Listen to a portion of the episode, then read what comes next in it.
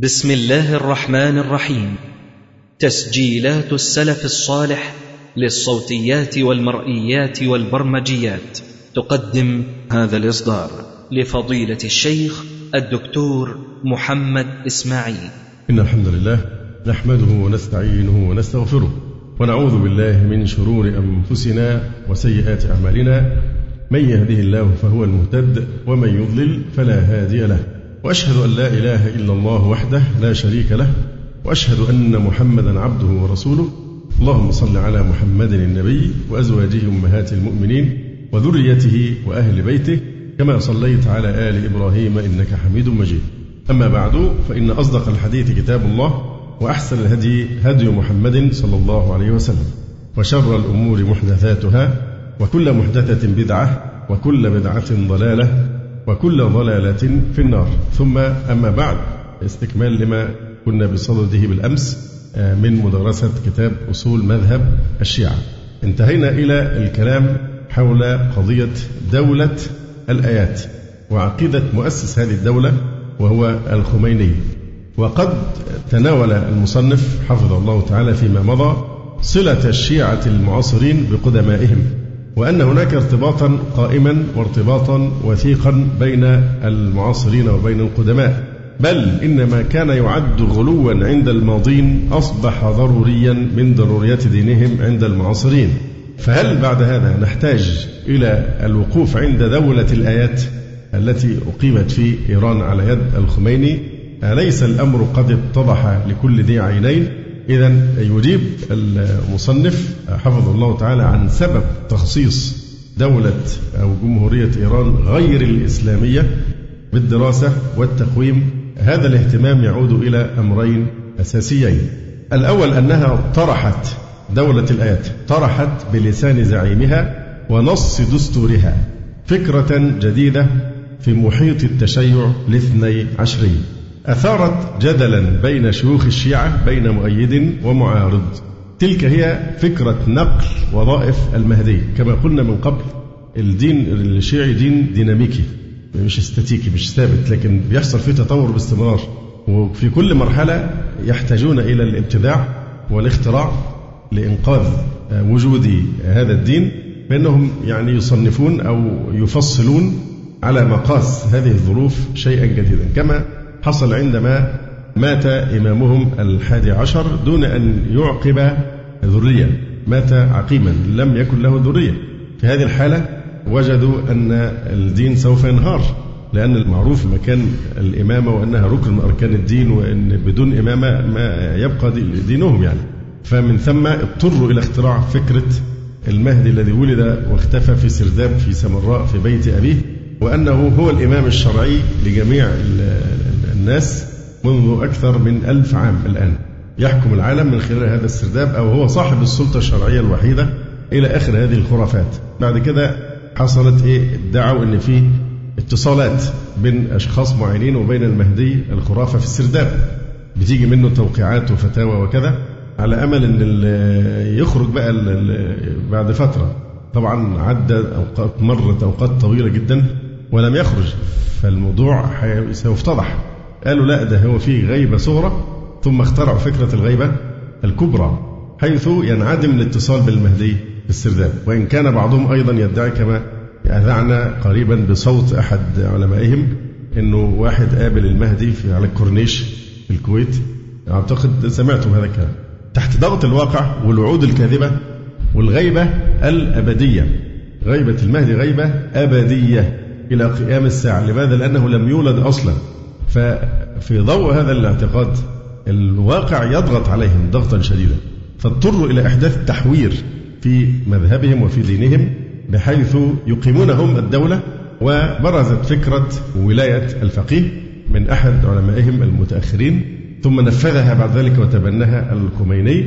ومقتضى هذه الفكرة أن تحويل الانتظار السلبي التقليدي ان هو كل شيء الجهاد يعطل الأمر بالمعروف إنه يعطل صلاة الجمعة تعطل حاجات كتير تعطل إلى أن يخرج المهدي.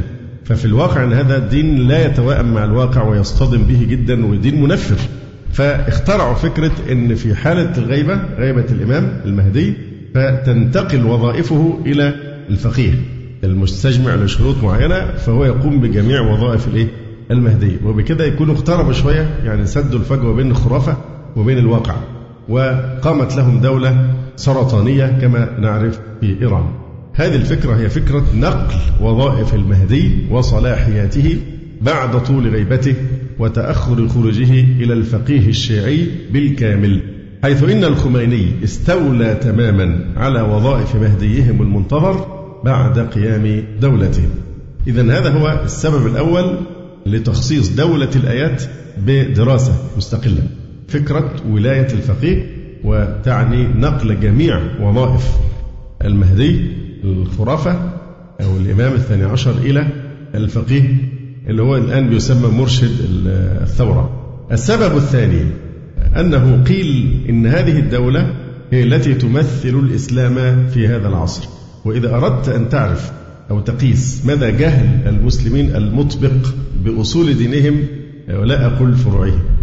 فراجع في تلك الفترة فترة في أواخر السبعينيات لما قامت ثورة الخميني وردود أفعال المسلمين للأسف الشديد. هذا عار وشنار لكل من أعلن عن جهله وبأصول دينه بأساسيات الإسلام وجهله بدين هؤلاء الرافضة. وكيف حصل استبشار كالعادة؟ الحج محمد هتلر. نظرية أو مفهوم الحج محمد هتلر. أي واحد يلوح لنا كده بلافتة نندفع حوله ونهتف بالروح والدم نفديك يا فلان. يعني نسلم نفسنا بمنتهى السهولة. في وقت من الأوقات بعض الناس لما كان فترة طغيان صدام حسين الشديدة قالوا إن صدام حسين ده المهدي المنتظر. وبعضهم قالوا لا ده السفياني اللي هيكون مساعد أو سكرتير المهدي. حسب روايات ضعيفة. طلع الخميني الخميني يعني زعيم الأمة والإمام وناس بقت تبايعه من على المنابر هنا في الاسكندريه بالذات. بعض الشيوخ الكبار الافاضل من على المنبر يبايع الخميني على السمع والطاعة وإلى آخره على أنه إمام المسلمين وخليفة المسلمين. حسن نصر خميني العرب لما خرج بفتنته منذ سنوات قليلة وحصل هذا الانبهار الشديد بهذا الرجل الذي هو على ملة غير ملتنا.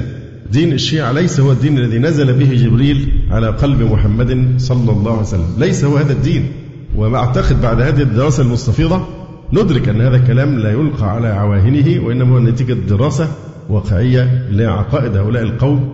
لا شك حتى لو قلنا بكفرهم لكن كما قال شيخ الإسلام ابن تيمية رجل كل العصور رحمه الله تعالى قال لكن كفر من يؤمن بأن الرسول صادق لا يكون ككفر من يكذب رسول الله صلى الله عليه وسلم. فهو إذا قلنا بكفرهم لكن ليس ككفر إيه؟ من كذب الرسول. لكن يعتقدون أن الرسول صادق وأن القرآن أصلا أنزل آه، من عند الله. فأيضا هناك تحفظ من إطلاق الكفر بصفة عامة إلا من أتى بمكفرات صارخة كما يعني سنرى إن شاء الله تعالى فيما بعد. مش قضيتنا قضية التكفير. يعني لا شك الإنسان يتهيب بالكلام في قضية التكفير لكن كما قلنا هو دين لا تكفير فيه دين لا خير فيه. فيش ملة على وجه الأرض ليس فيها تكفير. لماذا؟ لأن التكفير حكم شرعي. يعني زي أي حكم قضائي يطبق بشروطه على شخص معين. كذلك موضوع التكفير مش قضية تشهي ولا أن واحد عايز ينتقم من واحد. طيب هو بيكفرني أنا كمان سأرد له هذا الأذى بأن أكفره. التكفير لا يتم بالتشهي لكن حسب قواعد وأصول يعني سبق أن بينها بالتفصيل. لكن في الحقيقة كان وضع أو رد فعل المسلمين الجهلة.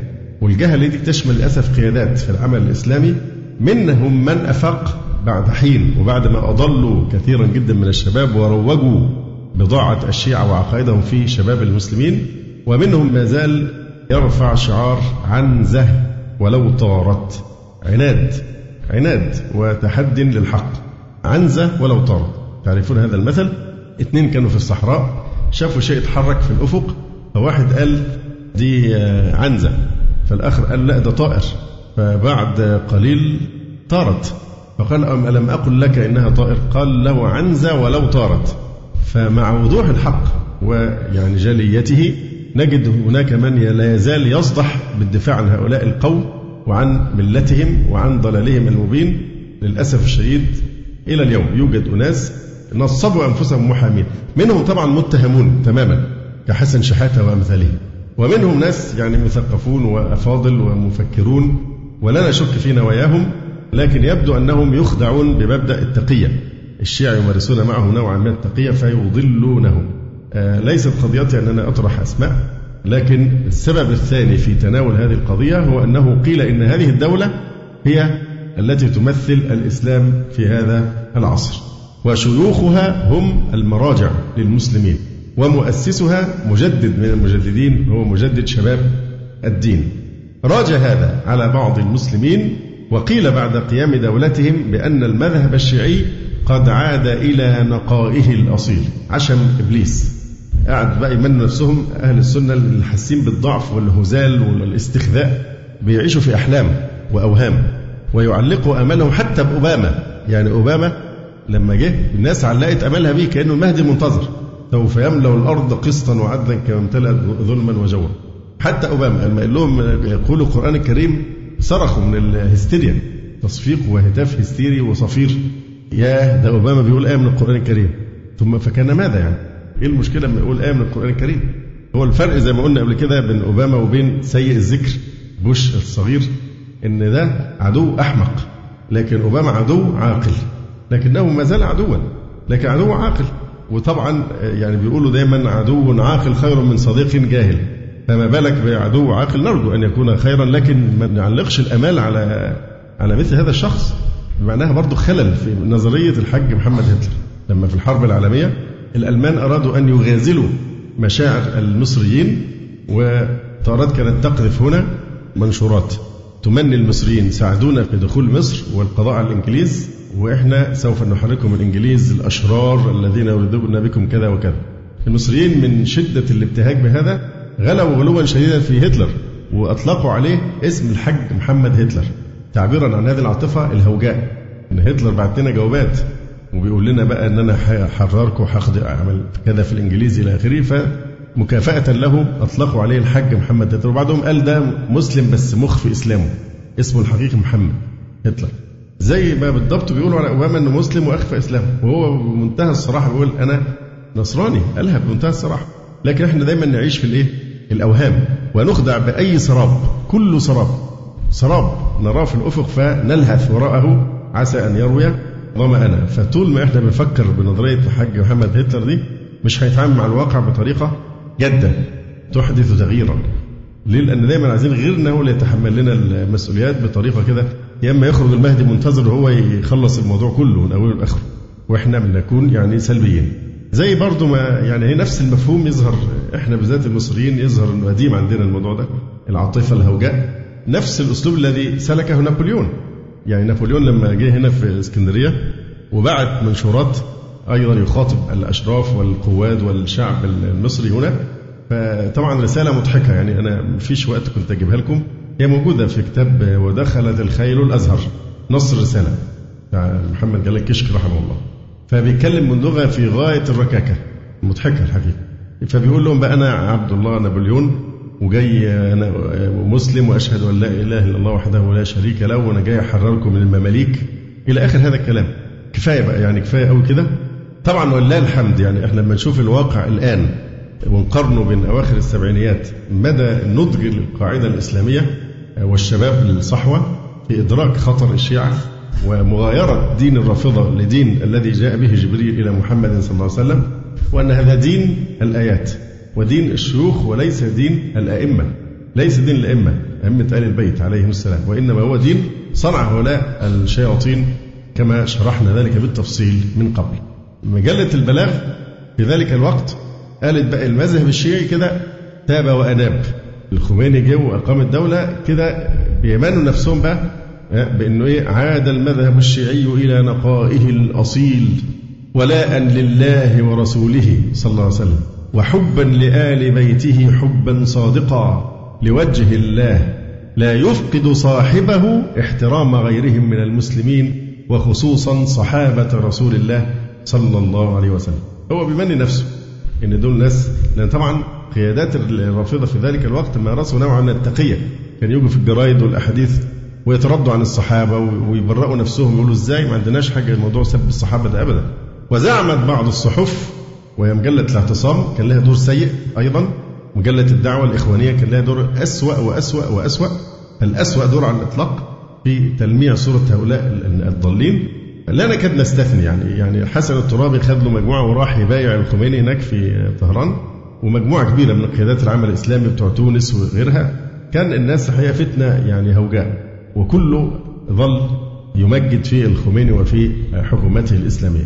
وزعمت بعض الصحف أن ردود الفعل التي أحدثتها حركة الخميني كان مبعثها أن حركة الخميني حركة إسلامية مئة في المئة. ورشحت مجلة المعرفة التونسية المهم اسمها المعرفة وهي مش عارفة حاجة. رشحت مجلة المعرفة التونسية الخميني لنيل جائزة الملك فيصل لخدمة الإسلام. ومضت على هذا النهج مجلات أخرى كالرائد. مين يعرف مجلة الرائد؟ ما جنسيتها ألمانية. تصدر عن مركز بلال في آخن في ألمانيا. مضت على هذا النهج مجلات أخرى كالرائد. والدعوة؟ الدعوة إيه؟ والرسالة؟ والأمان؟ وغيرها. الأمان دي لبنانية طبعا وهذه المجلات كلها منتسبة لأهل السنة. كتب بعض المنتمين لأهل السنة كتابات عن الخميني وثورته يشيد بها ويعدها المثال الصادق للحكومة الإسلامية مثل كتاب الخميني الحل الإسلامي والبديل تأليف فتحي عبد العزيز نشرته دار المختار الإسلامي. كتاب مع ثورة إيران البحث الثالث من البحوث التي يصدرها المركز الإسلامي في آخر. وكتاب نحو ثورة إسلامية لمحمد عنبر. يعني لما تكون الناس المؤتمنة على أعلى المنابر الإسلامية في العالم الإسلامي لا تستطيع التمييز بين العدو والصديق بين التوحيد والشرك. يعني على ما يؤتمن هؤلاء القوم. أصدرت بعض الحركات الإسلامية بيانات تثني وتؤيد المنهج الخميني حتى جاء في بيان التنظيم الدولي للإخوان المسلمين. ومن أسوأ الناس الذين لمعوا. يعني صورة الخميني طبعا الإخوان المسلمين للأسف الشديد. للأسف الشديد جدا. مصرين على هذا الجفاء للعلم ولدعوة التوحيد والسنة. للأسف الشديد. لدرجة وصل الأمر أن فرع الإخوان المسلمين داخل إيران من أهل السنة في داخل إيران أعلنوا منذ عدة شهور خروجهم عن تنظيم الدولة للإخوان المسلمين. الناس خلاص فاض بهم الكيل. ليه؟ قالوا إن إحنا ما في مشكلة بيننا وبين الحكومة الشيعية في طهران. إلا وينضم الإخوان إلى هذه الحكومة ضدنا. ففي الآخر أعلنوا خروجهم وانفصالهم عن جماعة الإخوان عقابا لها على هذا الموقف ضد أهل السنة في إيران. جاء في بيان التنظيم الدولي للإخوان المسلمين وصف حكم الخميني بأنه الحكم الإسلامي الوحيد في العالم وهذا في كتاب الشيعة والسنة ضجة مفتعلة وده إصدار دار المختار الإسلامي. للأسف مجلة المختار الإسلامي من المجلات التي ما زالت تمشي على نفس هذا المنوال من تمجيد هؤلاء الروافض فكانت فتنة مدلهمة. لا تزال بعض آثارها باقية. وإن أفاق البعض وتبينت له الحقيقة إلا أن منهم من لا زالوا يعد ما يثار عن شيعة الخميني إنما هي ضجة مفتعلة. استغل الشيعة هذا الجو بالدعاية لمذهبهم ونشره وساهمت هذه الحملة الإعلامية الدعائية في الصحف الإسلامية على إخفاء الحقيقة أمام شباب المسلمين. يعني هذه الجماعات وبالذات الإخوان المسلمين كانت القنطرة التي عبر عليها التشيع إلى شباب الصحوة الإسلامية. والآن التصوف هو القنطرة الذي يهدد شباب المسلمين في داخل بلاد المسلمين وبالذات في مصر. إن التصوف هو الدبة. يقول وساهمت هذه الحملة الإعلامية الدعائية في الصحف الإسلامية في إخفاء الحقيقة أمام شباب المسلمين لأنها هي لا تعرف شيئا عن الخلاف بين الشيعة, والسنة إلا أنه خلاف حول من يستحق الولاية علي أم أبو بكر. ودي قضية وقتية وتلك أمة قد خلت وليس هذا الخلاف بأمر ذي بال اليوم. فكان هذا الوضع. مجالا خصبا لنشر الفتنة والرفض. ومن هنا فإنه لا بد من بيان الحقيقة ونشرها بين الناس. ولا بد من نقد دعوى الجديد والتجديد وحكاية التغيير وتقويمها. ولعل دراسة فكر مؤسسها ومواد دستورها هي التي يمكن على ضوئها إصدار حكم موضوعي محايد في أمرها الدكتور القفاري له رسالة الماجستير اللي هي في قضية التقريب مسألة التقريب بين السنة والشيعة رسالة في غاية الروعة. من أفضل أو هي أفضل ما كتب في قضية تقريب. وفصل فيها ونحن يمكن درسناها قبل كده تحت عنوان إيه؟ دين الحقد والخرافة. يبدأ ببيان فكر مؤسس دولة الآيات يقول من خلال الرجوع إلى ما كتبه الخميني في كشف الأسرار. وهذا كتاب أصلا هو باللغة الفارسية. من ذكاء صدام حسين أنه شجع ترجمة هذا الكتاب إلى اللغة العربية بنصه بنصه.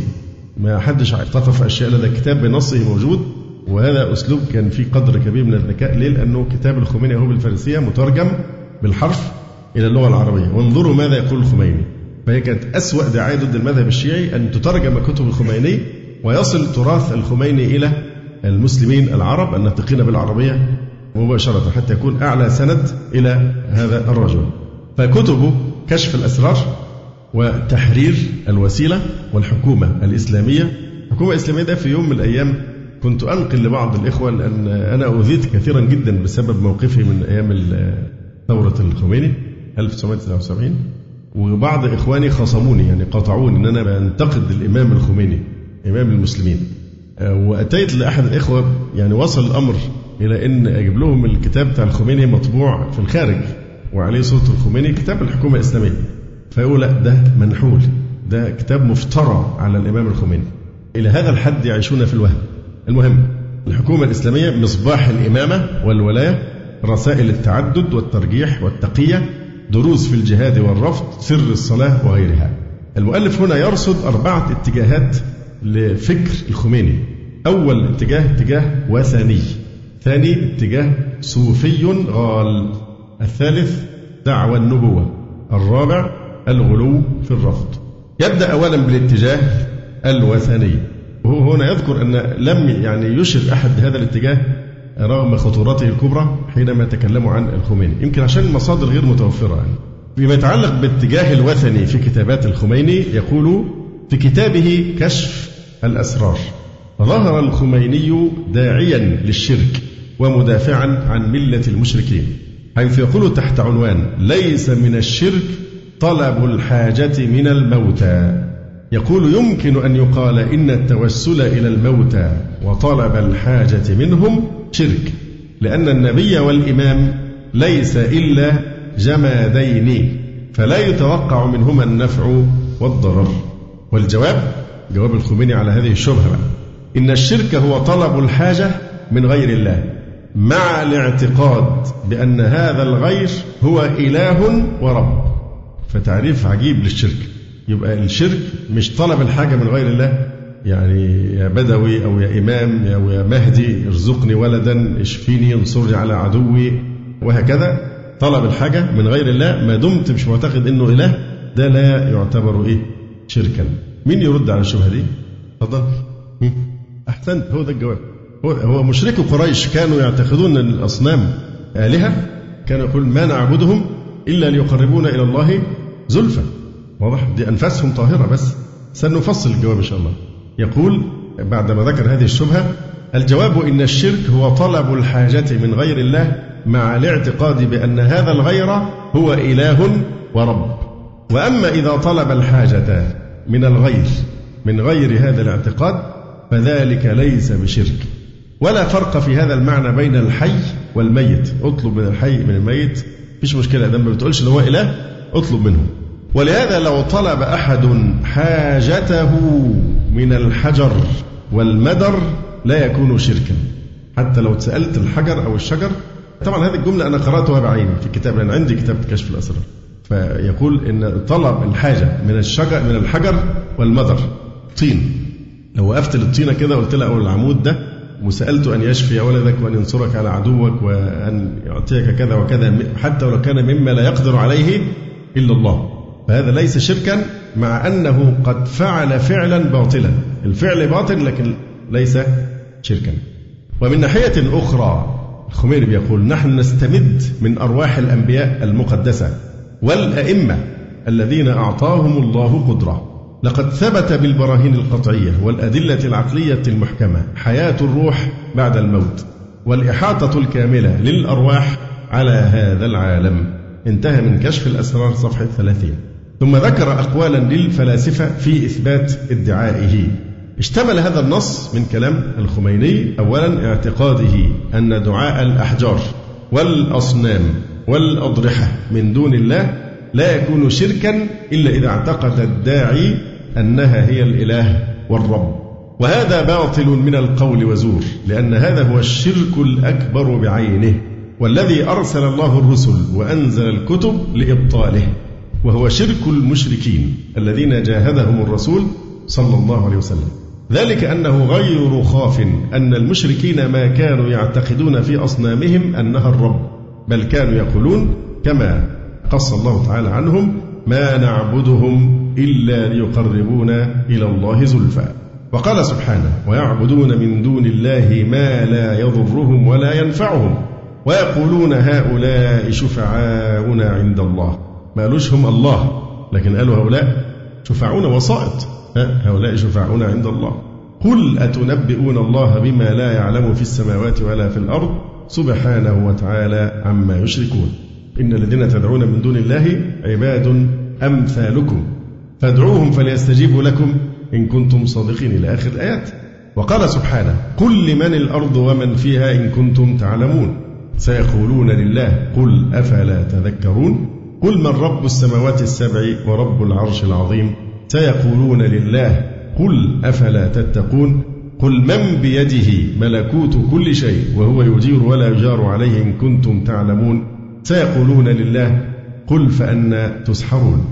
فثبت بهذا أن مشركي العرب كانوا مقرين بأن الله وحده خالق كل شيء وكانوا مع هذا مشركين وكان شركهم من هذا الشرك الذي يدعو إليه خميني.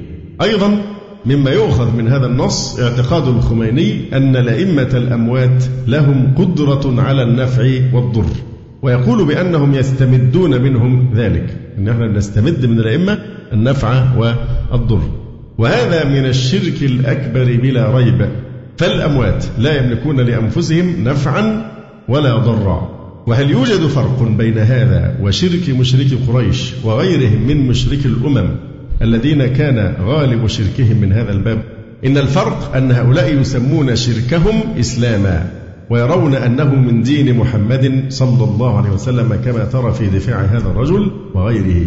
ثالثا مما يؤخذ من هذا النص الخميني دعواه الإحاطة الكاملة للأرواح على هذا العالم. ثم خاض في ركام الفلسفة لإثبات مدعاه. والإحاطة بهذا العالم هي لله وحده. وكان الله بكل شيء محيطا. والروح مخلوقة مدبرة. وهي بعد مفارقتها للجسد في نعيم أو عذاب. وليس لها من أمر الإحاطة بالعالم نصيب ولكن الشيء من معدنه لا يستغرب. فمن يجمع بين إلحاد الفلاسفة وغلو الرافضة لا يخرج منه إلا هذا وأشنع. أيضا الخميني يعتقد بأن الكواكب والأفلاك والأيام لها تأثير على حركة الإنسان. فلا يزال فكر الخميني أسير أوهام الشرك والمشركين فهو يزعم أن هناك أياما منحوسة من كل شهر يجب أن يتوقف الشيعي فيها عن كل عمل وأن لانتقال القمر إلى بعض الأبراج تأثيرا سلبيا على عمل الإنسان. فليتوقف الشيعي عن القيام بمشروع معين حتى يتجاوز القمر ذلك البرج المعين. تنجيم لو ربط حركة الأفلاك بإيه؟ بأحداث الأرض. ولا شك بأن من يعتقد في الأيام والكواكب تأثيرا في جلب سعادة أو إحداث ضرر أو منعه فهو مشرك كافر وهو اعتقاد الصابئة في الكواكب. ومما يشهد اتجاه الخميني هذا ما جاء في تحرير الوسيلة كتاب الخميني تحرير الوسيلة حيث يقول يكره إيقاعه يعني يكره إيقاع الزواج. حذاري إن واحد يتجوز في إيه بقى أو يتزوج والقمر في برج العقرب. يكره إيقاعه والقمر في برج العقرب. وفي محاق الشهر وفي أحد الأيام المنحوسة في كل شهر. وهي سبعة يوم ثلاثة ويوم خمسة ويوم ثلاثة عشر ويوم ستة عشر ويوم الحادي والعشرين ويوم أربعة وعشرين ويوم خمسة وعشرين. وذلك من كل شهر.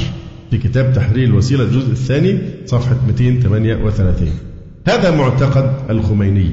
فيصدق فيه ومن تبعه قول صاحب التحفة الاثنى عشرية. إن الصابئين كانوا يحترزون عن أيام يكون القمر بها في العقرب أو الطرف أو المحاق وكذلك الرافضة. وكانت الصابئة يعتقدون أن جميع الكواكب فاعلة مختارة وأنها هي كواكب المدبرة للعالم السفلي وكذلك الرافضة. طبعا إحنا بنختصر في الجواب لأن دي أساسيات التوحيد ألف باء. التوحيد أن يكونوا فاهمين الشرك والتوحيد والتنجيم وحكم هذه الأشياء كلها. ثم ينتقل إلى بيان حقيقة الشرك عند الخميني. يقول إذا كانت وثنية المشركين عنده ليست بشرك. فما هو الأمر الذي يكون شركا في نظره؟ يقول توجد نصوص كثيرة تصف كل نظام غير إسلامي بأنه شرك والحاكم أو السلطة فيه طاغوت. ونحن مسؤولون عن إزالة آثار الشرك من مجتمعنا المسلم ونبعدها تماما من حياتنا. طبعا بعض الناس ممكن تتغر بهذا الكلام. طبعا يعني هو لما الشيعة والرافضة بيشنعون على الصحابة الكرام رضي الله تعالى عنهم ويتطاولون مثلا على عثمان بن عفان رضي الله عنه أو عون الخطاب حاولوا ينتقوا أي مآخذ حتى الروايات المكذوبة أو روايات صحيحة لكن يفسدون معانيها بصورة أو بأخرى ويفترون الأكاذيب. فيقول عثمان بن عفان كان يولي أقاربه وعثمان بن عفان رضي الله عنه فعل كذا وكذا وهكذا. وده من التلبيس الشيعي من الحيل الشيعية طبعا عثمان بن عفان قطعا من الخلفاء الراشدين هو ثالث الخلفاء الراشدين رضي الله عنه. وهو يعني ذو النورين آه، لأن الرسول صلى الله عليه وسلم استأمنه على اثنتين من بناته. زوجه إياهن الواحدة تلو الأخرى. وعثمان مناقبه وفضائله يعني كثيرة ومعروفة ومشهورة وما أخذوا على عثمان شيء إلا خرج منها ولله الحمد يعني بريئا آه، منزها عن آه، عما افتروه عليه رضي الله تعالى عنه. لكن لو افترضنا هي جريمة عثمان إيه؟ جريمة عثمان هنفترض أنه كان حاكما والعياذ بالله ظالما وبيولي أقاربه كذا وكذا ماشي. يعني لو ما كانش عمل الأشياء دي وحكم بالعدل كان سيرضى عنه الشيعة؟ ما هي الجريمة الكبرى لعثمان؟ أنه نال إمرة المؤمنين دي الجريمة حتى لو حكم ليل نهار بشرع الله وأقام الشريعة وجاهد وفعل وفعل هذا لا يشفع له عند الرافضة. لكن دي بتستعمل حتى يبغضوا الصحابة إلى قلوب أهل السنة. لكن الجريمة العظمى لأبي بكر وعمر وعثمان وكل حاكم في التاريخ الإسلامي كله إلى اليوم إيه الجريمة الكبرى هي؟ موضوع الخلافة وأنهم يزعمون أن هؤلاء غصبوا من أمير المؤمنين يعني الخلافة. فانتبهوا لمثل هذا. فهنا بيقول كلام إن في نصوص تقتصف كل نظام غير اسلامي بأنه شرك والحاكم أو السلطة فيه طاغوت. نحن مسؤولون عن إزالة هذا الشرك من مجتمعنا المسلم ونبعدها تماما من حياتنا يقصد إيه بهنا؟ إزالة الشرك بمعنى قضاء على أي حاكم يتولى الحكم لأنه مشرك. فمفهوم الشرك عنده هو أن يتولى على بلاد المسلمين أحد من أهل السنة فحاكمها حينئذ مشرك وأهلها مشركون. لماذا؟ لأن الرافضة دينهم الولاية وليس التوحيد. دينهم الإمامة والولاية وليس التوحيد. ولذلك فإن الشرك قد ضرب بجرانه في أقطارهم. إذا هذا هو الملمح الأول أو الاتجاه الواضح من كتابات الخميني اللي هو اتجاه الوثني. آه الاتجاه الثاني اتجاه الصوفي الغالي. الخميني صوفيته صوفية الفلاسفة. صوفية بتاعت الاتحاد ووحدة الوجود والحلول وهذا الضلال المبين. وذلك الخميني يعظم جدا أبا بكر ابن عربي الصوفي المعروف يعظمه جدا ويسميه بالشيخ الأكبر. فهي حتى مش صوفية بدعة صوفية إيه؟ صوفية الفلسفية الغارقة في الإلحاد. تتمثل صورة التصوف عند الخميني في أوضح مظاهرها في كتابه مصباح الهداية إلى الخلافة والولاية. ثم كتابه الآخر سر الصلاة. أولا يوضح بقى ملامح اتجاهات الخميني الصوفية الغالية. أولا قوله بالحلول الخاص يقول عن أمير المؤمنين علي رضي الله عنه خليفته أي خليفة الرسول صلى الله عليه وسلم القائم مقامه في الملك والملكوت المتحد بحقيقته في حضرة الجبروت واللاهوت. أصل شجرة طوبى وحقيقة سدرة المنتهى.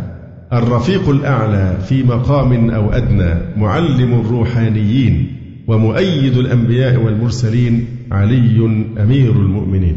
ويمكن قلنا لكم الشعر قبل كده العراقي اللي كان بيقول إيه؟ إن علي ده هو اللي نجى يونس من بطن الحوت ونجى نوح في الطوفان ونجى إبراهيم من النار وكل الكلام اللي إحنا يعني شفناه ده. فهو نفس الشيء اللي بيقول لك ومؤيد الأنبياء والمرسلين علي أمير المؤمنين. فانظر إلى قوله المتحد باللاهوت. تجده كقول النصارى باتحاد اللاهوت بالناسوت. ومن قبل زعمت غلاة الشيعة أن الله حل في علي. ولا تزال مثل هذه الأفكار الغالية والإلحادية تعشعش في أذهان هؤلاء الشيوخ كما ترى. ومن منطلق دعوى حلول الرب بعلي كما يفتري. ينسب الخميني لأمير المؤمنين علي أنه يقول كنت مع الأنبياء باطنا ومع رسول الله ظاهرا. ويعلق عليه فيقول فإنه عليه السلام صاحب الولاية الولاية المطلقة الكلية والولاية باطن الخلافة. فهو عليه السلام بمقام ولايته الكلية قائم على كل نفس بما كسبت. الصفة التي وردت في القرآن حق في حق الله فقط. أما أنه قائم على كل نفس بما كسب. لا اللي قائم على كل نفس بما كسب هو مين؟ علي رضي الله عنه. فهو عليه السلام بمقام ولايته الكلية. وهو في نص آخر يثبت أن الأئمة ال 12 لهم ولاية تكوينية تخضع لها جميع ذرات هذا الكون. يقول فهو عليه السلام بمقام ولايته الكلية قائم على كل نفس بما كسبت. ومع كل الأشياء معية يعني عليه مع كل الأشياء معية قيومية ظلية إلهية ظل المعية القيومية الحقة الإلهية إلا أن الولاية لما كانت في الأنبياء أكثر خصهم بالذكر. فأنت ترى أن الخميني يعلق على تلك الكلمة الموغلة في الغلو والمنسوبة زورا لأمير المؤمنين علي رضي الله عنه بما هو أشد منها غلوا وتطرفا فهو عنده ليس قائما على الأنبياء فحسب. بل على كل نفس. ويختار الآية المختصة بالله سبحانه وتعالى ليصف بها المخلوق. قال تعالى أفمن هو قائم على كل نفس بما كسبت؟ أي أنه سبحانه حفيظ عليم رقيب على كل نفس منفوسة. قال تعالى وما تكون في شأن وما تتلو منه من قرآن. ولا تعملون من عمل إلا كنا عليكم شهودا إذ تفيضون فيه. وقد تبينت الحقيقة لكل ذي عينين. فماذا بعد القول بأن عليا هو القائم على كل نفس غلوا؟ إن هذا تأليه صريح. وقال في قول الله عز وجل يدبر الأمر يفصل الآيات لعلكم بلقاء ربكم توقنون. يقول الخميني قال أي ربكم الذي هو الإمام. لعلكم بلقاء ربكم توقنون. ربكم الذي هو الإمام. هذا فيما يتعلق بأول ملمح من ملامح تصوفه الغالي القول بالحلول الخاص. هناك أيضا قول بالحلول والاتحاد الكلي. تجاوز الخميني مرحلة القول بالحلول الجزئي أو الحلول الخاص بعلي إلى القول بالحلول العام. فهو يقول بعد أن تحدث عن التوحيد ومقاماته حسب تصوره. يقول النتيجة لكل المقامات والتوحيدات عدم رؤية فعل وصفة حتى من الله تعالى ونفي الكثرة بالكلية وشهود الوحدة الصرفة. وحدة الوجود إن ربنا هو كل حاجة كل شيء كما قال القائلون بوحدة الوجود وما الكلب والخنزير إلا إلهنا وما الله إلا راهب في كنيسة الرب عبد والعبد رب ليت شعر إيه من المكلف؟ إن قلت عبد فذاك رب أو قلت رب فأنا يكلف. كلام وحدة الوجود. فإن ربنا هو عبارة عن كل اللي أنت بتشوفه. ده الوجود ده هو ده ربنا. يقول فقوله عدم رؤية فعل وصفة حتى من الله تعالى للتأكيد على مذهب الاتحادية. لأن رؤية فعل متميز وإثبات صفة معينة لله يعني إثبات الغيرية والتثنية وهذا شرك عندهم. يعني هم يعتقدون أنه ما في الوجود إلا الله. ثم ينقل عن أحد أئمته أنه قال لنا مع الله حالات. الأئمة بقى ال 12 لنا مع الله حالات كما في كتاب إيه؟ مصباح الهداية صفحة 114 يقول الخميني ناقلا عن أحد أئمته لنا مع الله حالات. هو هو ونحن نحن. وهو نحن ونحن هو حلول واتحاد. ثم يعلق على ذلك بقوله وكلمات أهل المعرفة خصوصا الشيخ الكبير محي الدين مشحونة بأمثال ذلك مثل قوله الحق خلق والخلق حق والحق حق والخلق خلق. وقال في نصوصه إن الحق المنزه هو الحق المشبه. ثم نقل جملة من كلمات ابن عربي وقال لا ظهور ولا وجود إلا له تبارك وتعالى والعالم خيال في خيال عند الأحرار. وقال وإذا نظف دار التحقق من غبار الكثرة وطوى الحجب النورانية والظلمانية ونال مقام التوحيد الذاتي والفناء الكلي تحصل له الاستعاذة الحقيقية. ثم قال وقوله إياك نعبد رجوع العبد إلى الحق بالفناء الكلي المطلق. ثم تراه كثيرا ما يستدل على مذهبه في وحدة الوجود بقول ابن عربي والذي يصفه بالشيخ الكبير والقونوي ويصفه بخليفة الشيخ الكبير محيي الدين. يعني هو ما نقاش من كل العالم الإسلامي أو السني إلا محي الدين ابن عربي. فيعني اتلم ده على ده يعني. هكذا تبين أن الخميني قد أخذ منهج أهل الحلول والاتحاد. ثالثا دعوى النبوة. ده الملمح الثالث. أفرزت لوثات التصوف وخيالات الفلسفة عنده دعوى غريبة وكفرا صريحا حيث رسم الخميني للسالك أسفارا أربعة. وهذا في كتابه مصباح الهداية. ينتهي السفر الأول إلى مقام الفناء. يقول في مقام الفناء وفيه السر الخفي والأخفى ويصدر عنه الشطح فيحكم بكفره. فإن تداركته العناية الإلهية فيقر بالعبودية بعد الظهور بالربوبية كما يقول ينتهي السفر الثاني عنده إلى أن تصير ولايته تامة. وتفنى ذاته وصفاته وأفعاله في ذات الحق وصفاته وأفعاله. وفيه يحصل الفناء عن الفنائية أيضا الذي هو مقام الأخفى وتتم دائرة الولاية. أما في السفر الثالث فإنه يحصل له الصحو التام ويبقى بإبقاء الله ويسافر في عوالم الجبروت والملكوت والناسوت ويحصل له حظ من النبوة. وليست له نبوة التشريع وحينئذ ينتهي السفر الثالث ويأخذ في السفر الرابع وبالسفر الرابع يكون نبيا بنبوة التشريع. فمراحل السفر عنده الفناء والولاية وفيها الفناء عن الفناء والنبوة بلا تشريع ثم النبوة الكاملة وهي تتضمن أن النبوة مكتسبة عن طريق رياضات ومجاهدات أهل التصوف. وهي دعوة ترتد إلى أصول فلسفية صوفية قديمة. ولذلك قال القاضي عياض ونكفر من ادعى النبوة لنفسه أو جوز اكتسابها والبلوغ بصفاء القلب إلى مرتبتها كالفلاسفة وغلاة الصوفية. إذا مقالة النبوة ممكن أن تكتسب عن طريق المجاهدات كفر صريح وإلحاد مكشوف. كفر بالنبوة والأنبياء وخروج عن دين الإسلام ويبدو أنه يدعي, يدعي لنفسه سلوك هذه المقامات وقد ذكر في كتابه الحكومة الإسلامية أن الفقيه الرافضي بمنزلة موسى وعيسى. هو في تحفظ طبعا يعني عبارة يبدو أنه يدعي لنفسه سلوك هذه المقامات. ففي مثل البحث العلمي ما ينفعش تقول يبدو. هات نص موثق وانسب إليه كلاما صريحا. لكن في مثل هذا ما يصلح أن نسيب ثغرة للطاعنين أنه يقول كلمة يبدو. ما ينفعش يبدو هنا في مثل هذا ها؟ برضه دي ما تدلش على أنه بيقول أنه هو نبي. لكن هنا إيه؟ آه الفقيه الرفيق بمنزلة موسى وعيدها سورة من سور الغلو طبعا لكن ما تكفيش في ادعاء النبوة. وينبغي ألا يغيب عن البال أن مقام الإمامة عندهم أعلى من مقام النبوة. و مع ذلك فإن الخميني لا يدعى في إيران إلا بالإمام أي بالوصف الذي هو وصف فوق وصف النبوة عندهم. نفس الشيء مثل هذا لا يصلح. لأن كلمة الإمام يمكن أن تستعمل أكثر من استعمال. صحيح لها معنى اصطلاحي خاص عند الرافضة لكن دي لا تكفي إن إحنا ناخده بلازم الكلام بما أنهم يعتقدون أن الإمام فوق النبوة بما أنهم يسمون الخميني إماما اذا الخميني بيدعي النبوة لا ما تكفي لأن إمام في إمام الصلاة وفي إمام تستعمل عدة استعمالات.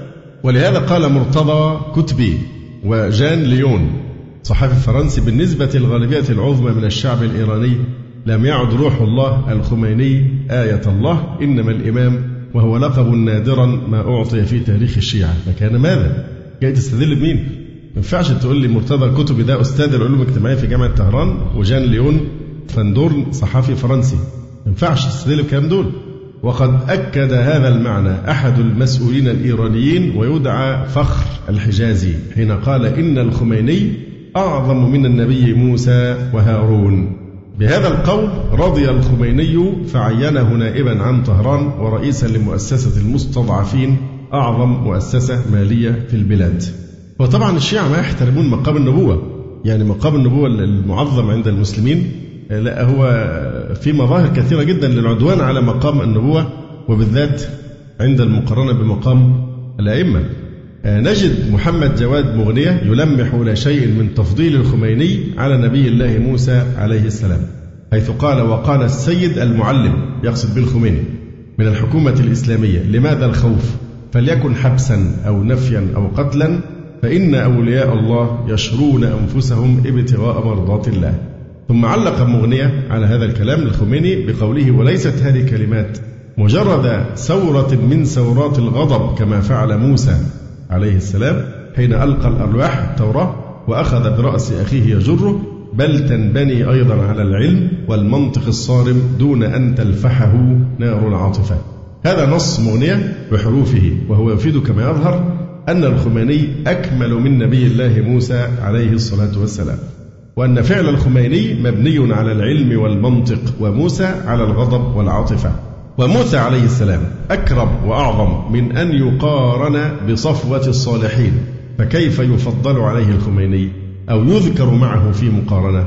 ولكنه منطق الغلاة الذين فرغت قلوبهم من توقير أنبياء الله ورسله لأن غلوهم في أئمتهم ونواب الأئمة قد استفرغ من نفوسهم عظمة الرسالة والرسل. ويقال إن الخميني أدخل اسمه في أذان الصلاة وقدمه على الشهادتين. برضو يقال ما تنفعش هنا لازم تستوثق وإن كان هو نقل نقل عن دكتور موسى الموسوي وموسى الموسوي حفيد شيخهم أبي الحسن الموسوي الأصبهاني. أستاذ يحمل الدكتوراه من جامعة طهران وجامعة باريس وعمل في عدة جامعات كأستاذ في الاقتصاد والفلسفة. يقول الدكتور موسى الموسوي ده بقى له كتاب اسمه إيه؟ الثورة البائسة. بينتقد جدا الثورة الخمينية هو شيعي زيهم لكن بينتقد الثورة بس الثورة البائسة. يقول موسى الموسوي أدخل الخميني اسمه في أذان الصلوات وقدم اسمه على اسم النبي الكريم. فأذان الصلوات في إيران بعد استلام الخميني للحكم وفي كل جوامعها كما يلي. الله أكبر الله أكبر خميني رهبر. وكان الشيعة يعني في الحج بعد الثورة دائما يقيمون مظاهرات حاشدة ويقولوا الله أكبر خميني رهبر. أي أن الخميني هو القائد. ثم بعد ذلك يقول أشهد أن محمدا رسول الله. وإذا كان شيخهم ابن بابويه في القرن الرابع يرى أن قول الشيعة في الأذان ده ابن بابويه في القرن الرابع. بيرد على الشيعة اللي بيزيدوا في الأذان إيه؟ أشهد أن عليا ولي الله. يقول هو من وضع المفوضة. لعنهم الله تعالى. هذا في كتاب من لا يحضره الفقيه. المفوضة فرقة من غلاة الشيعة. زعموا أن الله خلق محمدا صلى الله عليه وسلم. ثم فوض له خلق العالم وتدبيره. ثم فوض محمد تدبير العالم إلى علي فعلي هو المدبر الثاني للعالم. فابن بابويه وهو في القرن الرابع. ينكر هذا يقول أشهد أن عليا ولي الله هو من وضع المفوضة لعنهم الله تعالى. فطبعا بهذا نعرف انفصال المعاصرين عن الغابرين وأن المعاصرين قد امحت الفوارق بينهم وبين الغلاة ولم يعد لديهم حدود يتوقفون عندها في السير بمذهبهم قدما نحو الغلو والزندقة. الملمح الرابع من ملامح فكر الخميني الغلو في الرفض. بالنسبة لاتجاه الخميني في التشيع فإنه يأخذ بالمذهب الغالي والمتطرف. فمذهب الخميني هو مذهب غلاة الروافض. يعني حتى كلمة الرافضة عندهم هم قبل كده فاكرين لما راحوا اشتكوا لأحد الأئمة بيقولوا له اسم يعني شهرنا الناس به يعيرون به يقولون أنتم الرافضة. فرد عليهم قال لهم اسم سماكم الله به أو حاجة زي كده يعني إيه اقبلوه يعني. فهو نفس الخميني بيستعمل اسم الرفض بنوع من المدح يعني والافتخار به حتى إنه يسمي أحد كتبه إيه؟ دروس في الجهاد والرفض مما يدل على انتماء الخميني إلى الغلاة من الرافضة أنه يعتمد مقالة غلاتهم في تفضيل الأئمة على أنبياء الله ورسله فيقول الخميني يقول الحكومة الإسلامية إن من ضرورات مذهبنا يعني مما يعلم من دين الشيعة بالإيه؟ بالضرورة. إن من ضرورات مذهبنا أن لأئمتنا مقاما لا يبلغه ملك مقرب ولا نبي مرسل إن الأئمة فوق الأنبياء عليهم السلام وفوق الملائكة. إن من ضرورات مذهبنا أن لأئمتنا مقاما لا يبلغه ملك مقرب ولا نبي مرسل وقد ورد عنهم عين عين يعني عليهم السلام. أن لنا مع الله حالات لا يسعها ملك مقرب ولا نبي مرسل. هذا هو مذهب ولاة الرافضة كما يقرر ذلك عبد القاهر البغدادي والقاضي عياض وشيخ الإسلام ابن تيمية رحمه الله أجمعين. وترى الخميني ينسب هذا المذهب لكل المعاصرين وأن هذا من الضرورات عندهم فالمعاصرون هم بناء على ذلك من غلاة الروافض في حكم أئمة الإسلام. ليس ذلك فحسب بل عقيدة الخميني في أئمته هي عقيدة الغلاة في حكم كبار شيوخ الشيعة في القرن الرابع. يدل على ذلك أنه يذهب إلى القول بأن أئمته لا يتصور فيهم السهو والغفلة. وناقشنا الموضوع ده بالأمس. الخميني يقول بالحرف أن الأئمة لا يتصور فيهم السهو والغفلة. وهذا في نظر شيخهم ابن بابويه الملقب برئيس المحدثين هو مذهب الغلاة والمفوضة في الأئمة والذين هم في نظر ابن بابويه وغيره يستحقون اللعن حيث قال إن الغلاة والمفوضة لعنهم الله ينكرون سهو النبي صلى الله عليه وسلم. ونقل عن شيخه محمد بن الحسن ابن الوليد أنه كان يعد نفي السهو عن النبي والإمام من الغلو وفي كتابه الاعتقادات حكم ابن بابويه على هؤلاء الغلاة والمفوضة بقوله. اعتقادنا في الغلاة والمفوضة؟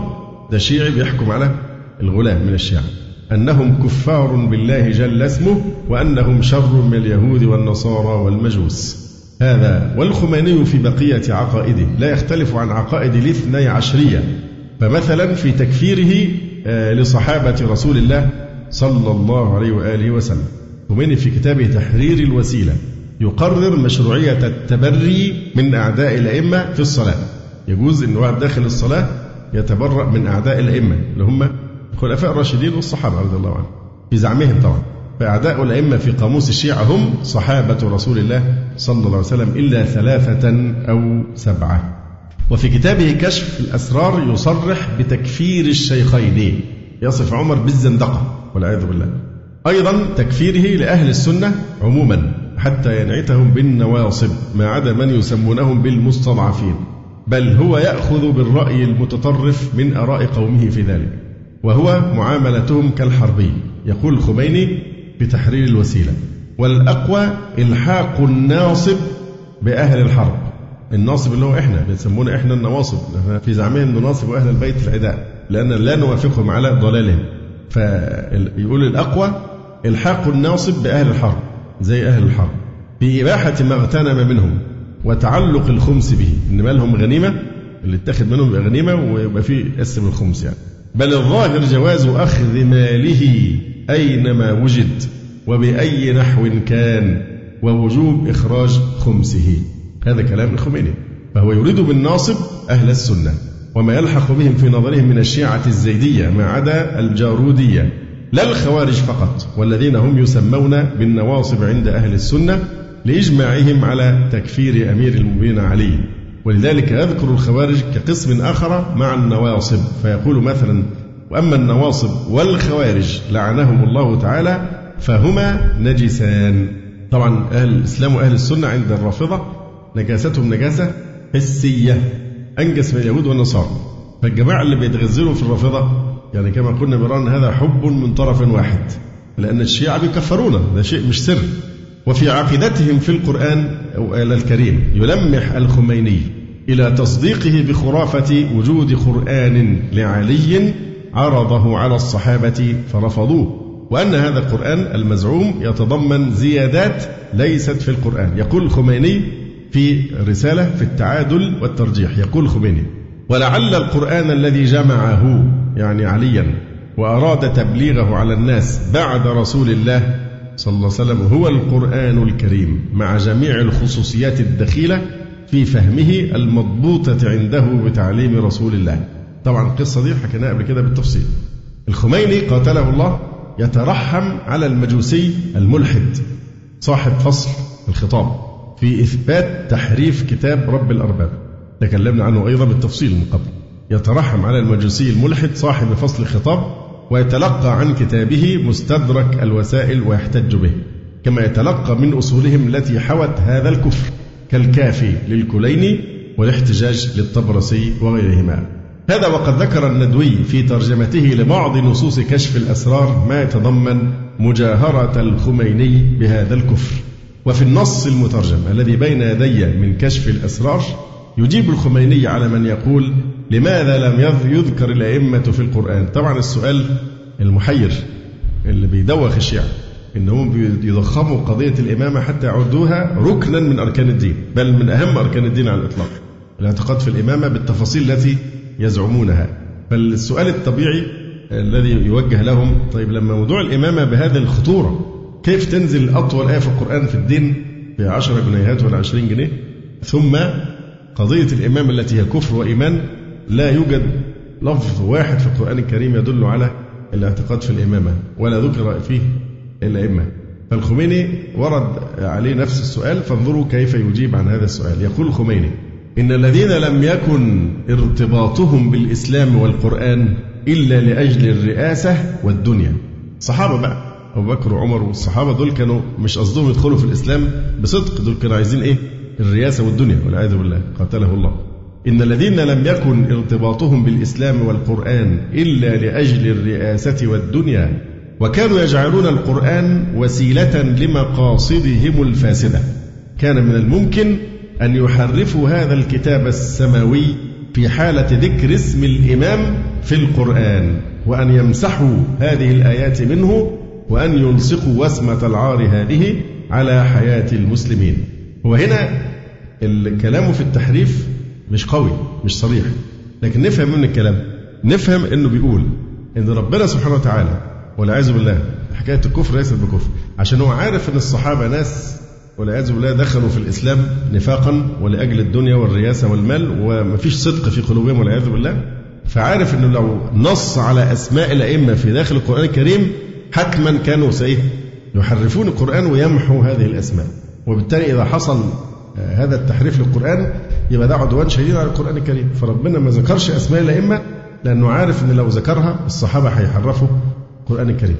فهذا منطق الخميني اللي هو فاشل في إجابة السؤال لأنه سؤال محير. طب فين إن نحن نزلنا ذكر وإنا له لحافظون فهو هنا لم يصرح بوقوع التحريف إلا بالتلميح ولكنه يزعم صراحة أنه بإمكان أحد من الناس تحريف كتاب الله. وهذا تكذيب لقول الله تعالى إنا نحن نزلنا الذكر وإنا له لحافظون.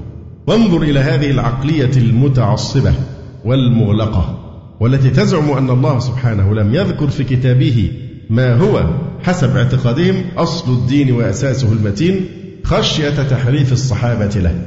كذلك يقول الخميني بخرافة الغيبة ويزعم رجعة المهدي يقول الخميني لقد جاء الأنبياء جميعا شوف سوء الأدب وقلة الأدب مع الأنبياء ومع خاتمهم وسيدهم صلى الله عليه وسلم هذا كلام الخميني اللي أول مرة كان ينكشف الخميني بضلاله المبين وتطاوله على مقام سيد المرسلين وأيامها طبعا الدنيا هاجت وماجت وبدأ المسلمين يفيقون إن ده دين آخر مش دين الإسلام. دي كانت من ضمن الأشياء التي أفاقت بعض الناس. يقول الخميني في خطبة ألقاها بمناسبة ذكرى مولد الإمام المهدي. مولد إيه؟ هو اتولد مفيش مهدي. فعاملين ذكرى المولد مولد سيدي المهدي. في الخامس عشر من شهر شعبان سنة 1400 هجرية وأذيع هذا الخطاب من راديو طهران يقول إيه الخميني لقد جاء الأنبياء جميعا من أجل إرساء قواعد العدالة في العالم لكنهم لم ينجحوا والعياذ بالله حتى النبي محمد خاتم الأنبياء الذي جاء لإصلاح البشرية لم ينجح في ذلك. وإن الشخص الذي سينجح في ذلك هو المهدي المنتظر. انتهى كلام الخميني النحس يقول وقد استنكر المسلمون ذلك وأصدرت رابطة العالم الإسلامي بيانا تنكر هذه المقالة وتوضح أنها تحوي مناقضة صريحة للإسلام وما جاء به القرآن والسنة النبوية المطهرة وما أجمعت عليه الأمة. كما جرى الإنكار من جهات عديدة.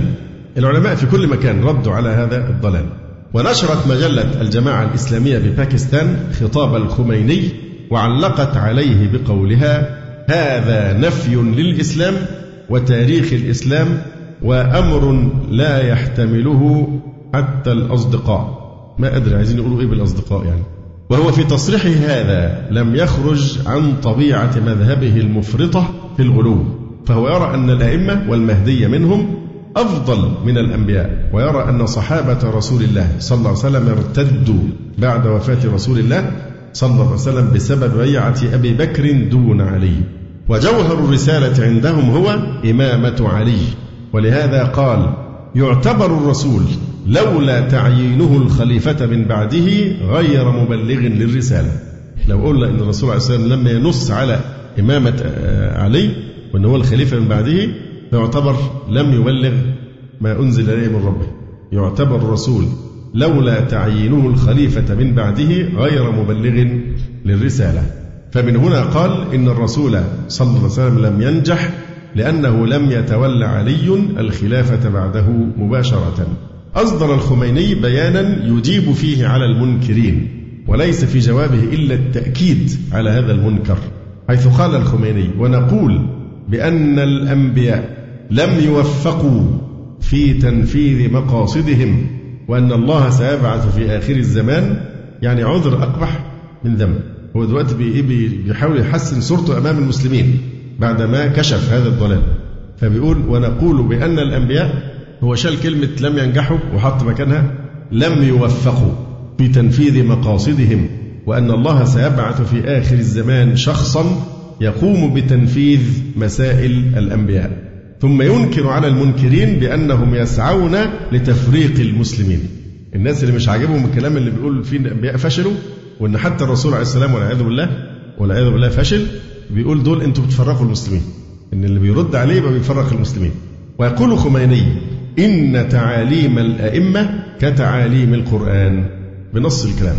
بل هو يعمل حتى بحكايات الرقاع ويعطيها نفس القدسية. حكايات الرقاع اللي هي المراسلات اللي كانت بتيجي عن طريق من المهدي من السرداب. بل هو يعمل حتى بحكايات الرقاع ويعطيها نفس القدسية التي توليها الأمة لكتاب الله وسنة رسوله صلى الله عليه وسلم. حتى هو استدل على مذهبه في عموم ولاية الفقيه بحكايات الرقاع. إلى آخر قائمة العقائد التي تقول بها الاثنا عشرية ويتابعهم فيها خميني وقد يأخذ بأشدها تطرفا مما لا حاجة إلى تفصيله واستقصائه. إذ الغرض بيان أنه لم يكن كما يتوهم أصحاب تلك النظرة السطحية الساذجة. لكن رأيت بعضهم يقول بأن الخميني قد تخلى عن بعض عقيدته في التقية وأنه قد أمر أتباعه بالصلاة مع أهل السنة. مما يعد اعتدالا في صورته الظاهرة. بيتعلقوا بأي أشة الجماعة اللي هم عايشين في الوهم دول في الحلم بتاع محمد هتلر. الجواب عن ذلك يوجد في رسالته في التعادل والترجيح وفي رسالته في التقية. وحسبك أن تعلم من هذا إيمانه بأن أصل دينهم يقوم على مخالفة أهل السنة وأن هذا الأصل هو من المرجحات عندهم في حالة اختلاف الروايات. أيام ثورة الخميني قالوا أن هو أعطى أوامر نصلوا مع المسلمين في في المساجد يعني. والشيعة لحد عهد قريب معروف اللي بيلاحظ لو تلاحظ في الحرم الشريف يبقى المسلمين راكعين هو لازم يتخالف لازم يخالف. وتلاقيه واقف. المسلمين يسجدون هو رافع. ليه؟ لأن الهدى والرشاد في مخالفة العامة. أي حاجة التبست عليك شوف العامة اللي هم أهل السنة بيقولوا إيه يبقى الهدى في عكسها. كما بينا ذلك من قبل بالتفصيل. يقول خميني في رسالة التعادل والترجيح. إن أخبارهم الآمرة بالأخذ بخلاف العامة. كقوله قول أحد الأئمة ما خالف العامة ففيه الرشاد. وقوله دعوا ما وافق القوم فإن الرشد في خلافهم. هي من أصول الترجيح. يعني أصول الترجيح بين الاختلاف في المسائل. شوف إيه هوى أهل السنة. أهل السنة علماء بيقولوا إيه في المسألة دي وخد عكسه. لأن الهداية والرشاد في مخالفة أهل السنة. يقول هذه من أصول الترجيح وليس الترجيح بها بمحض التعبد بل لكون المخالفة لهم طريقا إلى الواقع والرشد في مخالفتهم. ثم عقد مبحثا بعنوان في الأخبار الواردة بمخالفة العامة وذكر أن أخبارهم في هذا الباب نوعان الأول يأمر بالأخذ بما خالف العامة في حالة تعارض الروايات عن الأئمة والنوع الثاني يأمر بالمخالفة مطلقا. فذكر من النوع الأول خمس روايات. قال عن الحسن بن الجهم قال قلت للعبد الصالح أي الإمام يروى عن أبي عبد الله عليه السلام شيء ويروى عنه خلافه فبأيهما نأخذ؟ أبو عبد الله المظلوم جعفر الصادق. كل الافتراءات ينسبونها إلى جعفر كذبا وزورا. فبيقولوا أن الإمام جعفر الصادق يروى عنه أحيانا شيء وتيجي رواية ثانية بالتناقض. تناقض هذه الرواية. نأخذ مين في الاثنين. فقال خذ بما خالف القوم وما وافق القوم فاجتنبه. دي طريقة من طرق الترجيح عند الاختلاف. شوف إيه اللي يوافق أهل السنة فيبقى الهداية في إيه؟ في عكسه. والروايات الباقية لا تخرج عن هذا المعنى وفي بعضها الأمر بالعرض على كتب الحديث عند أهل السنة. يقول فاعرضوهما على أخبار العامة فما وافق أخبارهم فذروه وما خالف أخبارهم فخذوه. وعقب الخبيري على هذا النوع من الأخبار بقوله ولا يخفى وضوح دلالة هذه الأخبار على أن مخالفة العامة مرجحة في الخبرين المتعارضين مع اعتبار سند بعضها بل صحة بعضها على الظاهر واشتهار مضمونها بين الأصحاب.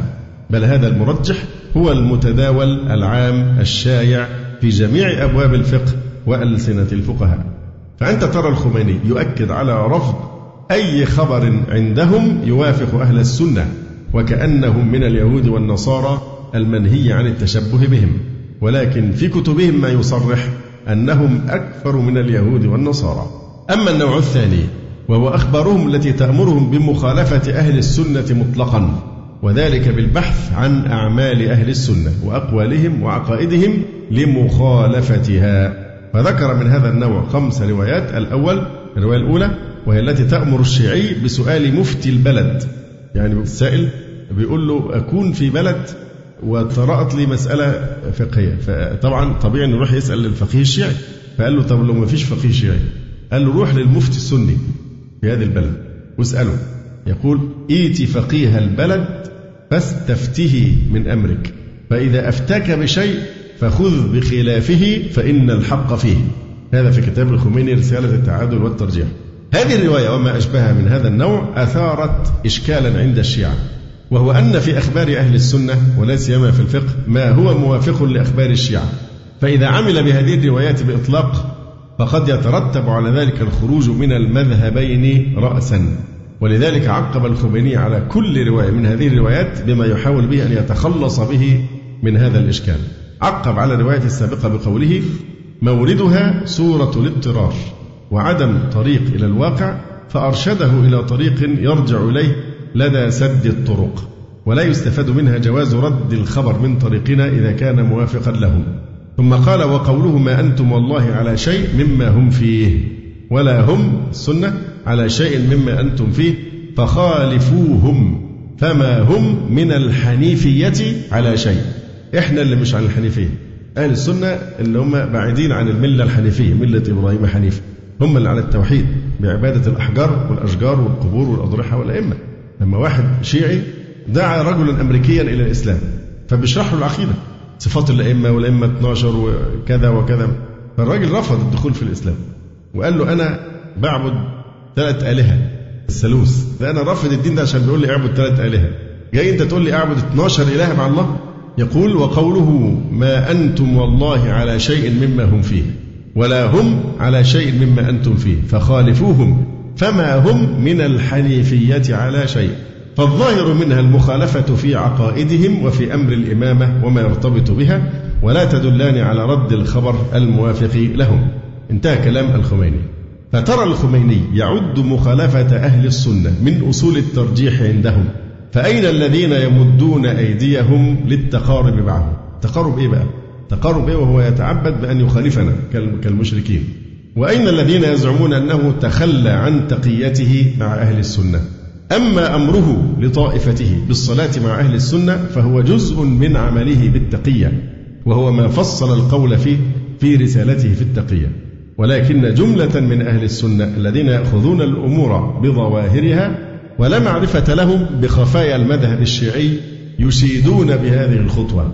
ويعدونها من مناقب الخميني ومساعيه في جمع كلمة المسلمين مع أنه عقد في رسالته في التقية مبحثا خاصا في ذلك بعنوان في الروايات الدالة على صحة الصلاة مع العامة قال فيه إنه قد ورد روايات خاصة تدل على صحة الصلاة مع الناس والترغيب في حضور مساجدهم والاقتداء بهم والاعتداد بها كصحيحة حماد بن عثمان عن أبي عبد الله أنه قال من صلى معهم في الصف الأول كان كمن صلى خلف رسول الله صلى الله عليه وسلم في الصف الأول.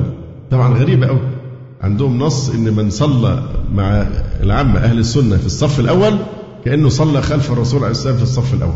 الخميني بيعلق بقى على الرواية بيقول إيه؟ ولا ريب أن الصلاة معه يعني مع الرسول عليه الصلاة والسلام صحيحة ذات فضيلة جمة فكذلك الصلاة معهم حال التقية لأن التقية دي عزيزة قوي على قلوب الشيعة عزيزة جدا عليهم وقلنا قبل كده إن معنى قول ان بعضهم قال في تفسير قوله تعالى إن أكرمكم عند الله أتقاكم يعني إيه؟ أعملكم بالتقية. تقي الدين يعني المحترف في ممارسة التقية، الكذب والخداع آه، مع أهل السنة. فهو هنا بيقول إن الصلاة آه، مع أهل السنة حال التقية تسبب هذا الثواب، لأن الصلاة هنا مش لأنهم يعتدون بالصلاة لكن من أجل إيه؟ التقية. ثم قال وموثقة سماعه قال سألته عن مناكحتهم والصلاة خلفهم فقال هذا أمر شديد لن تستطيعوا ذلك. قد أنكح رسول الله صلى الله عليه وسلم وصلى علي وراءهم. يبقى ده نفسه برضه إيه؟ تقية. ثم أشار إلى أن هذا النوع من التقية ليس مرتبطا بالضرورة. وهو خاص بمعاملة أهل السنة لأنه يرى أن التقية تكون اضطرارية في حال الخوف وتكون أيضا للمداراة وهي حينئذ من أفضل الأعمال عندهم. والحالة الأولى الأمر فيها واضح لكن الحالة الثانية يبينها بقوله وأما التقية المداراتية المرغوب فيها مما تكون العبادة معها أحب العبادات وأفضلها فالظاهر اختصاصها بالتقية عن العامة. كما هو مصب الروايات على كثرتها. فالتقية مع أهل السنة من أفضل الأعمال وهي مشروعة بإطلاق عندهم. ثم يشير بعد ذلك إلى نوع ثالث من التقية وهو الكتمان المقابل للإذاعة. كما يقول فتكون على حد تعبيره بمعنى التحفظ عن إفشاء المذهب وعن إفشاء سر أهل البيت. هل بعد هذا يقال إن الخميني تخلى عن التقية؟ والمخادعة لكن من قال ذلك خفي عليه أن التقية عندهم أنواع وأن التقية مع أهل السنة من أفضل الأعمال عندهم وليست مشروطة بالضرورة. وأخيرا حسبك أن تعرف أنه يعد عصر الخلفاء الراشدين عصر تقية. يقول الخميني إن من بعد رسول الله صلى الله عليه وسلم إلى زمن خلافة أمير المؤمنين ومن بعده إلى زمن الغيبة كان الأئمة وشيعتهم مبتلين بالتقية أكثر من 200 سنة. فيعتبر عصر الخلفاء الراشدين الثلاثة ثم العصر بعد علي رضي الله عنه إلى زمن الغيبة كل ده عصر إيه؟ تقية. فتبين أن خميني من غلاة الروافض بل هو يأخذ من آرائهم ما هو أكثر شذوذا ويتعمد مخالفة أهل السنة وإن خرج عن ذلك فهو تقيا ينتهي بعد ذلك إلى مناقشة قوله بقضية ولاية الفقيه ثم النظر في الدستور العنصري دولة إيران دولة عنصرية. يعني وهذا بصفة رسمية كما في دستورها وإن شاء الله تعالى نكمل ذلك يوم السبت القادم في مسجد أبي حنيفة. أقول قولي هذا واستغفر الله لي ولكم. سبحانك اللهم ربنا وبحمدك. أشهد أن لا إله إلا أنت أستغفرك وأتوب إليك. جزى الله فضيلة الشيخ خير الجزاء ونسأل الله جل وعلا أن يرفع مكانة الشيخ في المهديين وأن يجعله علما من أعلام الهدى والدين. ولا تنسونا وتنسوا الشيخ من دعوة صادقة بظهر الغيب. وتقبلوا تحيات إخوانكم في تسجيلات السلف الصالح بالإسكندرية. هاتف رقم صفر ثلاثة فاصل أربعة تسعة أربعة سبعة ستة خمسة اثنان. والتليفون محمول صفر عشرة واحد ستة أربعة واحد تسعة ثمانية صفر. والسلام عليكم ورحمة الله وبركاته.